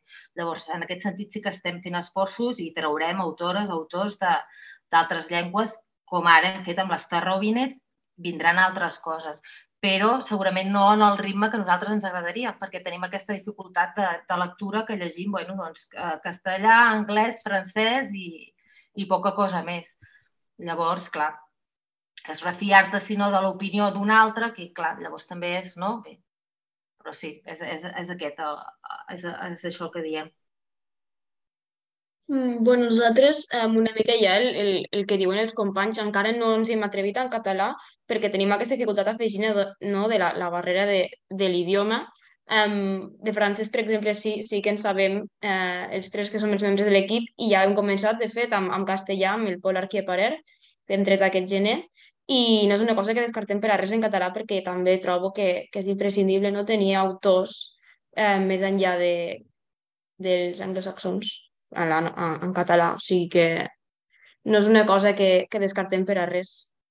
Molt bé, doncs eh, per acabar us volia fer un, un dos, una pregunta dos en uno, molt curta, si podeu respondre. Per una part, ens agradaria saber quin títol és el que us ha funcionat millor, quin autor us ha funcionat millor, i si ens podeu avançar a, a alguna novetat a mitjà termini de, del vostre calendari editorial. A veure, perquè estic fent memòria, jo. eh? A veure, jo et diria que, clar, Dune és el que ens ha funcionat millor, però és el que hem fet amb Dune Llibres, el que passa que el vam treure com a mai més, va? perquè al principi ens vam repartir. I llavors et diria que, sí, igualtat de ritus. Mm. Que guai. Ratchet, sí. És que ara estava pensant quin era, sí. Igualtat de ritus i després guàrdies, guàrdies. I crec que el quart ja seria exhalació. Molt bé, m'agrada molt aquest, aquest rànquing. I, bueno, novetats... Uh, sí. Em sembla que no podem. Hi haurà coses, hi haurà novetats, però jo ara no puc avançar-les perquè hi ha, hi ha coses que encara no estan lligades i sí, no, no puc avançar. Sí que continuarem, breument, ja, eh, o sigui, en aquest semestre continuarem amb la publicació de la trilogia de La Terra Fragmentada, la Gemini 5, que ens fa moltíssima il·lusió, ens creiem que és imprescindible i creiem que encara no hi ha prou gent que l'ha descoberta i que l'ha llegida perquè és magnífica. Llavors, bé. Jo estic d'acord, eh? és de les meves uh, sagues favorites de ciència-ficció dels últims anys, de, de fa molts anys. Vull dir que molt bé. A veure, el nostre rànquing, sens dubte, és Bumingui, eh, l'Emily St. John Mandel i, i Llengua Materna. Són els tres títols que realment ens han funcionat molt bé. Després està Tchaikovsky, sempre, que sempre funciona molt bé. I coses que us posem a avançar, clar, és que aquí el Gonzalo em tallarà. Portarem una primera novel·la d'una autora canadenca, segurament per la setmana del llibre en català. No us puc dir el títol perquè també sortirà en castellà i no els hi vull donar avantatge, però si us plau, aquí sí que ens fareu un vot de confiança si compreu l'edició en català, que a més la tradueix la Maria Rossi, com sempre, que és un plaer. I res, de cara a la CatCon, que sapigueu que tindreu a la Primi Mohamed aquí, una autora canadenca superpotent. Precisament ahir o abans d'ahir Tchaikovsky recomanava els seus llibres i és una autora que l'heu de conèixer, és de descendència indocaribenya i és espectacular. Molt bé. Uh, nosaltres, català, deixant el castellà de banda, el que ens ocupa de català, el, dels llibres que tenim, sense cap mena de dubte, el que ens ha anat millor és Neverwhere, n'estem molt contents i ja, ja anem per la segona edició i per ara, no és molt aviat per dir-ho, però amb l'oceà al final del camí doncs, sembla que la sensació és la mateixa. Um, també estem molt contents amb l'exorcista, però Neverwhere és el que ens ha funcionat millor. Hi ha, hi ha molt lector eh, interessat a llegir Gaiman i ho hem vist tant amb lectors de gènere com en aquest cas sí que és un autor que ens ha facilitat molt més arribar als lectors més generals que no solen estar tan avesats a llegir fantàstic. Eh, quan a novetats, tampoc podem avançar gran cosa. Ja sabeu que de cara a la CatCon al, al juny tindrem, ens hem venut l'ànima de Grady Hendrix, que estem molt contents de, de poder-lo portar al català. També tindrem una novetat de cara a la setmana del llibre, ni de, per ara no, no us en podem avançar gaire més. De cara a l'any que ve encara estem negociant coses, però a vegades amb això, amb els agents, doncs una mica lent, així que ja arribarà. Per ara el que tenim és això. Molt bé, molt bé, molt bé. Vinga, Jordi, a veure si ara ens pot respondre alguna cosa. Jo ara sí, a part jo tiraré de la manta i després sí m'han de renyar. No? Mira, a veure, el que més ens ha funcionat, doncs, eh, d'espècula de, eh, Mare, Mare d'Isabel del Río, està funcionant molt i molt i molt, molt i molt i molt, i estem molt contents eh, a part està, està finalista no? també de, dels Premis Imperdible i dels Premis Ictineu i de moment està funcionant molt i molt bé. Eh, I després, eh, i pel que fa a l'Arca, el llibre que més ha funcionat d'aquesta segona etapa és la Guia Galàctica per Autostopistes d'en Douglas Adams. Val? Uh -huh. I llavors, si voleu així doncs, alguna cosa molt xula, doncs mira, no diré el títol, però poder, eh, no cal que el digui tampoc, és un llibre d'en Cliff Barker o Clive Barker uh -huh. i evidentment no? doncs ja, ja... El traductor, està, el traductor està intentant que no es digui Hellraiser ¿vale? que no, traduir-lo no, no com la pel·lícula Hellraiser, sinó com, sinó com el títol de, del llibre en anglès amb una traducció. I després d'Espècula, de, Eh, doncs eh, ara acaba de sortir el quart títol i llavors un títol que fa molta il·lusió, que sortirà també per la setmana, és una antologia d'autors en llengua catalana que, bé, amb autors molt i molt potents que els hem fet treballar d'una manera determinada, donant unes indicacions sense mirar detallar la seva creativitat i han quedat uns relats molt i molt xulos. Molt bé. Perfecte. Perfecte, perfecte a tots i totes, moltes gràcies. Um, la tertúlia la, la deixarem aquí i moltíssimes gràcies per participar. Segur que us farem tornar al programa en altres ocasions i, i des d'aquest punt us alliberem del programa d'avui. Moltes gràcies. Moltes gràcies. Gràcies per convidar-nos. Gràcies, Toni, Roser, Gràcies a vosaltres. La Biblioteca del Cometa. Molt bé, doncs després de la interessant tertúlia que hem tingut amb els editors, que ja els hem pogut acomiadar, mantenim amb nosaltres el Jordi Casals i us farem un parell de recomanacions, cadascú de nosaltres, una miqueta de cara a Sant Jordi, llibres que creiem que, que són interessants i que valen la pena i que us poden agradar, que fan de bon regalar el que vulgueu, però sempre dintre del, del fantàstic en català. I la primera recomanació la farà l'Edgar. Molt bé, jo vull començar recomanant un, un manga que, és, que ha publicat l'editorial Kaji, que és de fet dels, dels primers títols que ha publicat Kaji a- en català, que és Grendel, de Maiko Oikawa, traduït per en Víctor Goma. I, um, i, és, i a sobre és una obra que no s'ha traduït en català, en castellà, perdó. Um, Grendel és, és una història que veu de fonts molt clàssiques, és de, del gènere de fantasia, sobretot medieval. De fet, per exemple, el, títol, el nom mateix prové de l'obra èpica um, Beowulf que, i per- del nom d'un dels antagonistes principals d'aquesta història, que és un monstre en forma d'ogre o licàntrop. I malgrat tot també veiem molts, moltes, obres, eh, moltes referents, molts referents a obres fantàstiques medievals, com, com ara El Senyor dels Anells, però sobretot la saga de Terramar, pel tractament que fa del, del tema dels dracs. Perquè eh, aquesta història ens explica la història de Grendel, que és una cria de drac, en un món on aparentment els dracs ja no hi són, han desaparegut, una mica com passa amb Terramar, que, que els dracs estan una mica ja desapareguts. Però apareix aquesta cria de drac i això fa, i això fa que hi hagi molts interessos al voltant i que estigui aquesta cria en perill i, i, i hi hagi molta gent que el vulgui capturar i, i matar. I per aquest motiu encarregaran una missió amb una, amb una heroïna, la Camèlia, que és una heroïna que s'ha vist embolicada amb un assumpte de, em, de, de, d'acusació de covardia per haver, per haver em, no haver pogut evitar la mort de, de la princesa del regne i, i l'enviaran doncs, a la missió d'intentar portar aquest drac, aquesta cria de drac, cap a, cap a un regne veí. I això farà que, que, que entrem en una aventura molt típica de viatge de l'heroi, però que té molt, tocs molt interessants i que juga molt bé amb aquests tòpics per explicar-te una història molt entretinguda, amb girs de guió molt interessants i sobretot el que m'agrada moltíssim és l'estil del dibuix, que planteja aquesta fantasia medieval amb un dibuix preciós i amb, i amb un world building també molt guai. Hi ha dos títols publicats en català i és un llibre, un còmic, una sèrie de manga de tres volums que us recomano molt.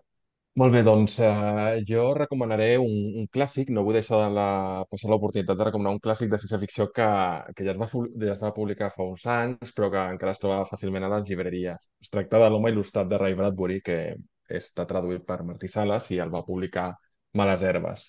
He de reconèixer que Ray Bradbury és un dels meus autors preferits de la ciència-ficció. Els seus relats tenen aquest aroma de nostàlgia d'una vida que no tornarà i un cert optimisme molt de l'època, que, que era sobretot sobre el progrés humà i tecnològic, no?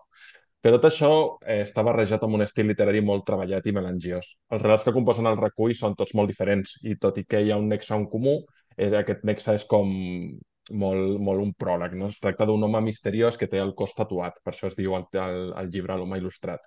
I aquests tatuatges que semblen que tenen vida pròpia són els que alberguen les històries del recull.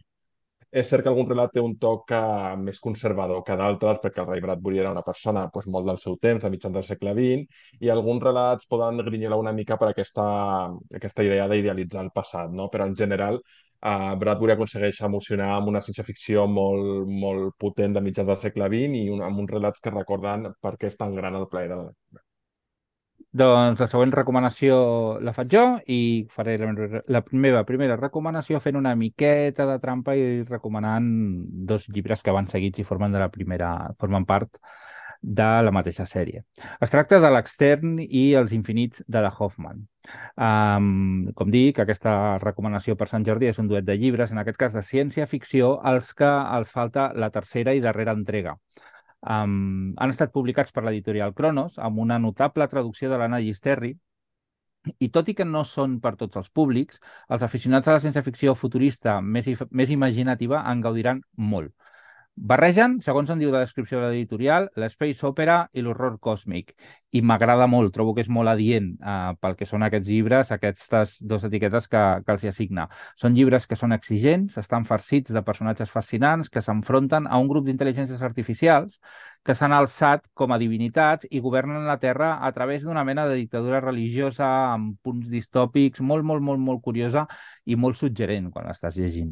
Hi trobareu aliens, hi trobareu cyborgs, hi trobareu naus espacials, habilitats posthumanes i tot un seguit de personatges repartits al llarg dels espectres de la neurodiversitat i de la sexualitat. Jo crec que és una de les característiques principals d'aquest llibre, que a més a més s'extén a, a, a com està escrit. Enmig de l'aventura, que és una aventura genial i super entretinguda i molt ben plantejada, hi ha tota una reflexió sobre l'empatia i la necessitat de comprensió que per si sola ja paga la pena. L'autora, que ella mateixa no és neurotípica, domina molt bé el tema de fons i té una imaginació molt i molt potent. I la traductora fa una feina que és molt difícil i que executa molt bé en aconseguir traslladar al català tota aquesta diversitat que, que contempla el llibre. Afegeixo que jo ja he llegit el tercer llibre, que en, en anglès sí que està publicat, i que imagino que sortirà en català en algun moment del 2023, i que la conclusió tanca la trilogia amb matrícula d'honor. Molt recomanable. Doncs el primer llibre que recomano per aquest Sant Jordi és el número 4 d'Espècula. De, és un llibre d'una nova veu de la literatura catalana, en David Tosas. No ha publicat absolutament mai res. És un... Uh, ara ja podem dir que, que és escriptor, Eh, és un llicenciat en Filologia i, i, i en Dret i treballa d'advocat i ha fet una novel·la titulada L'Intacte, que és una meravella de novel·la a mig camí entre el que seria el ciberpunk i, i la distopia. És una novel·la eh, que passa en, en dos escenaris. Eh, per una banda tenim el terraplè, on ha eh, una sèrie de persones que, perquè no, per no haver seguit a l'autoritat Mm, que domina la ciutat, que s'anomena l'estil, doncs són apartats de, de la ciutat i els envien al terraplè, un lloc on hi ha el millor de cada casa i on amb un estil eh, més propi de, de, del realisme brut i, i més, eh, més propi d'en de, Donald Ray Pollock, que no pas del que estem acostumats eh, a, a la ciència-ficció o, o al fantàstic, o en aquest cas al cyberpunk, eh, ens explica la vida d'un dealer, d'un camell, d'un traficant que fabrica uns cucs, eh, uns cucs que són, són unes andròmines en, en forma de, de boletes que eh, es prenen pel nas i llavors provoquen unes sensacions directament amb el cervell agradables. No? Eh, aquest senyor ha estat desconnectat d'una realitat virtual que és la que hi ha a la ciutat i veu que prenent-se un dels seus clients es pren un cuc i tot i havia estat desconnectat d'aquesta realitat virtual que és eh, la que fan servir tots els usuaris que encara estan a la ciutat, que no els han apartat cap al terraplè, doncs un d'aquests desconnectats es torna a connectar. I a partir d'aquí això dona peu a, a una trama eh, molt canalla, molta mala llet, amb molt, eh, per moments eh, angoixant i que evidentment es pot llegir en clau de, de novel·la d'aventures es pot llegir també amb, amb una mena de... com si fos una mena d'alegoria o de metàfora del poder d'avui en dia. L'intacte de David Toses. Molt bé, comencem la segona volta. Edgar, quin és el segon llibre que ens recomanes?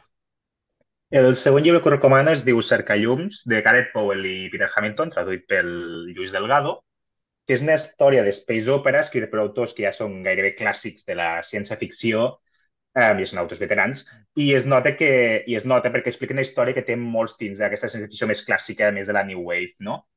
Uh, I segueix, uh, Cercallum segueix la història de la Male, que és la Cercallums, precisament, que és una viatgera que va per tot l'univers amb la seva nau, amb, amb que té una IA, per anar recopilant les vides i vivències dels, uh, dels habitants que viuen en, en diferents planetes um, i, que, i els quals la reben com gairebé una deessa, perquè apareix un cop cada mil·lenni.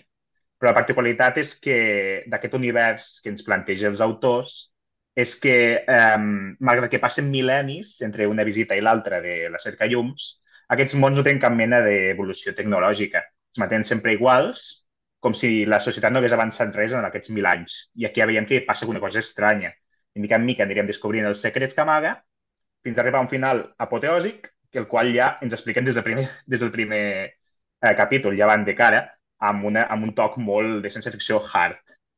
Però, però és una novel·la que val molt la pena i que està plegada amb molt sentit de la meravella i s'ha creat una història que funciona molt bé i manté el lector, el lector enganxat en tot moment i, i que parla de temes universals molt interessants. Sí, jo per acabar um, faré també una recomanació d'un manga, uh, un manga que a més a més ja vaig comentar al primer episodi del podcast, que és Chainsaw Man, que ja vaig dir en el seu moment que el deixaria per un altre moment per, per poder desenvolupar més eh, la meva opinió i crec que aquest programa serà el moment indicat. Uh, Chainsaw Man és un shonen, un manga per adolescents, sobretot de, per públic masculí, escrit per eh, Tatsuki Fujimoto, escrit i il·lustrat, i uh, traduït per Judith Rodríguez eh, per, per norma editorial. Uh, ja portem cinc volums publicats en català i, de fet, crec que quan acabi o quan emetem aquest episodi ja n'hauran hauran sortit sis. Uh, per mi, ara mateix, és el millor manga que s'està publicant en català. Per mi, aquest seria com el resum. I per desenvolupar aquesta opinió eh, diria que, bueno, que és un shonen una mica inusual, perquè és veritat que, i jo crec que és la gràcia del, de fet del, del manga, perquè el protagonista no segueix el camí de l'heroi més típic d'aquest tipus de, de mangas d'acció per adolescents, perquè les seves motivacions són una mica diferents als mangas d'acció. Eh, el protagonista lluita per, de, per exemple, normalment el, el, els mangas més populars, el protagonista lluita per defensar els seus éssers estimats o eh, treu el poder normalment de, de l'amistat, no? de l'amistat com una font important de, de, de, de, de, de poder. Aquí és bastant diferent. El protagonista, Denji, té unes motivacions una mica més mundanes, fins i tot, diguem-ne, carnals. No en diré més per no fer spoiler. Chainsaw Man al final és un manga d'acció amb baralles contra dimonis, aquesta és la premissa, però també és un manga profundament psicològic, on el trauma hi té un paper capdalt. Els personatges són polièdrics, amb un rerefons molt treballat, es nota que l'autor s'ha inspirat en històries més enllà dels shonen sobrenaturals. Hi ha, hi ha clarament un, unes influències de pel·lícules, sobretot eh, de, dels Estats Units més lligades al, al, al thriller psicològic o al terror i per mi ara mateix és una obra obligada per qualsevol amant dels gèneres fantàstics que vulgui llegir còmic. Jo vaig a, per la meva segona recomanació, doncs, que en aquest cas és una novel·la que ja té un recorregut important, però que en català ens l'acaba de portar obscura, de fet l'esmentàvem a la secció de novetats, amb traducció de Lluís Delgado. Estic parlant de l'oceà al final del camí, d'en Neil Gaiman, que és una fantasia fosca que pot o no ser juvenil, a mi en aquest cas em costa una mica posar-li l'etiqueta, tot i que se, se li ha atribuït, i que per mi és una de les joies de l'autor, una de les grans novel·les del Neil Gaiman. En aquest cas es tracta d'una història de retorn, i ens trobem amb un home que torna a la granja de la seva infància i comença a recordar una sèrie d'esdeveniments, diguem-ne, traumàtics que, en els que hi va viure allà de petit. No? Aquests esdeveniments van posant en dubte a poc a poc algunes de les coses que nosaltres sabem de la realitat. Es tracta d'una lectura que a mi em resulta enigmàtica, em resulta hipnòtica i que està farcida de personatges que realment ens acompanyaran durant molt de temps després d'haver acabat el llibre i conté algunes escenes veritablement memorables a diferència de la meva anterior recomanació, en aquest cas sí que ens trobem amb un llibre que recomanaria a qualsevol persona a qui li agradin les bones històries, sigui jove o, bueno, menys jove, és igual. Uh, molt bon llibre, una bona manera d'aproximar-se a, a, a l'univers imaginatiu del Neil Gaiman i molt recomanable. Molt bé, doncs jo, mira, la, la segona recomanació eh, entronca una miqueta amb, amb el Bradbury que recomanava en Pablo, perquè és una novel·la eh, del Richard Matheson, és eh, L'home minvant, la pel·lícula el que van fer és de L'increïble home minvant, però la, la novel·la és L'home minvant, una novel·la del Richard Matheson que, com sabeu, doncs, formava part no, d'un grup de, d'escriptors que es deien alguna cosa així com els fatillers de, del sud o surenys de Califòrnia, no? on hi havia doncs, en Bradbury, en Robert Bloch, en Charles Beaumont, en William F. Nolan, i, evidentment, el mateix Matheson, no? tenien d'altres noms. Eh, és una novel·la que ha traduït eh, de manera fantàstica en Jordi Dausà, eh, traductor també de, de Lovecraft, i eh, explica la història de Scott Carey, crec que més o menys per tothom és coneguda, no? aquesta novel·la, o si més no l'argument. És un home, clar, però potser pensem que és un home que és, que és petit, no? i no és un home que, que, que s'ha fet petit, sinó és un home que és molt petit, continua fent-se molt petit, està, quan explica la novel·la més o menys medeix dos centímetres i mig, però a part d'explicar totes les aventures que ha de passar amb un soterrani, no? on s'ha de barallar amb una aranya, de pujar dalt de la nevera, que és com escalar l'Everest, per trobar menjar, etc etc etc. Va explicant un procés, el procés degeneratiu de com un tio de metre 80 eh, mascle alfa de la seva família, amb la seva dona, amb la seva filla, amb un germà que treballa junts perquè el és el propietari de, de l'empresa no? i li ofereix una feina una mica eh, que, a la qual no pot dir que no, doncs com aquest, aquest, aquesta persona forta va empetitint, no? I aquest procés que evidentment l'afecta a la seva psicologia i fins i tot al seu seny, no? I on li passaran eh, aventures molt i molt estranyes amb nans, amb pedòfils, i una novel·la que va molt més enllà d'aquella pel·lícula que va inspirar a l'Stan Lee per eh, fer després el superheroi Ant-Man. Molt bé, moltes gràcies, Jordi. I amb això hem acabat les nostres recomanacions d'avui. Esperem que algú no us interessi per buscar-la per Sant Jordi i us deixem amb les recomanacions que queden, que en aquest cas són les recomanacions de novel·la fantàstica juvenil de la Júlia Baena. Ens veiem al proper programa i feliç Sant Jordi. Literatura juvenil amb la Júlia Baena. Doncs aquí venen les recomanacions juvenils per Sant Jordi. Comencem tornant a parlar de la guia màgica d'autodefensa amb galetes de T. Kingfisher i editat per Indòmita, el segell juvenil de l'editorial Raig i traduït per Helena Ordeig. Ens explica la història de la Mona, una noia que té poders màgics, però només li funciona amb el pa. La Mona treballa al forn familiar i viu una vida tranquil·la, fins que es troba un cadàver al forn i descobreix una perillosa trama d'assassins de mags. I encara que només faci màgia amb pa, ella també s'ha convertit en un objectiu. Aquí comença una aventura farcida de fantasia, sentit de l'humor, amistat i fins i tot crítica social, que ens mantindrà enganxats a la història. Narrada amb un ritme regular i àgil i amb una magnífica construcció dels personatges, agradarà a persones a partir de 12, 13 o 14 anys, dependrà del seu nivell lector, i també al públic adult. Guanyadora d'un munt de premis, La guia màgica d'autodefensa amb galetes és un llibre que mereix estar entre els millors clàssics de la fantasia. També us volem recomanar Omni, de Jaume Valor, que edita llibres del delicte. L'autor ens porta una distopia juvenil que retrata un futur proper, en alguns aspectes gairebé de rabiosa actualitat, on tot el planeta està en mans d'Omni, l'empresa que controla tots els productes i serveis. El punt de partida de la novel·la és l'assassinat de l'administrador de l'Àlex, que ha heretat una fortuna dels seus pares, inventors del joc en línia Roman Steampunk. A partir d'aquí, coneixerem a un ventall variat de personatges que ajudaran l'Àlex a resoldre el misteri i poder accedir així a la seva herència.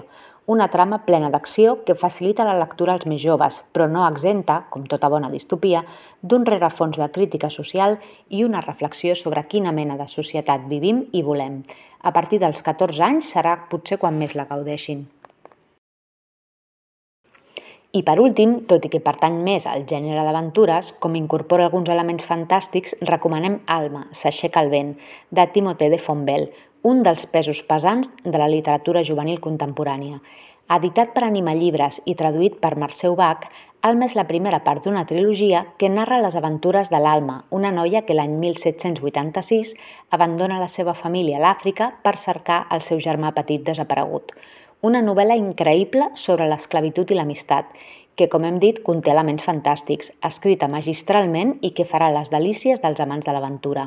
Pot ser una molt bona tria a partir dels 12 anys, però per lectors amb cert hàbit lector, ja que conté subtrames que poden suposar un repte per lectors poc avasats. Esperant el cometa és una iniciativa de l'Associació Cultural El Biblionauta, una entitat sense ànim de lucre dedicada a la divulgació de la literatura de ciència-ficció i fantasia en llengua catalana. Si us agrada el que fem i ens voleu ajudar, us en podeu fer mecenes al biblionauta.com. Moltes gràcies i us esperem al següent episodi d'Esperant el Cometa.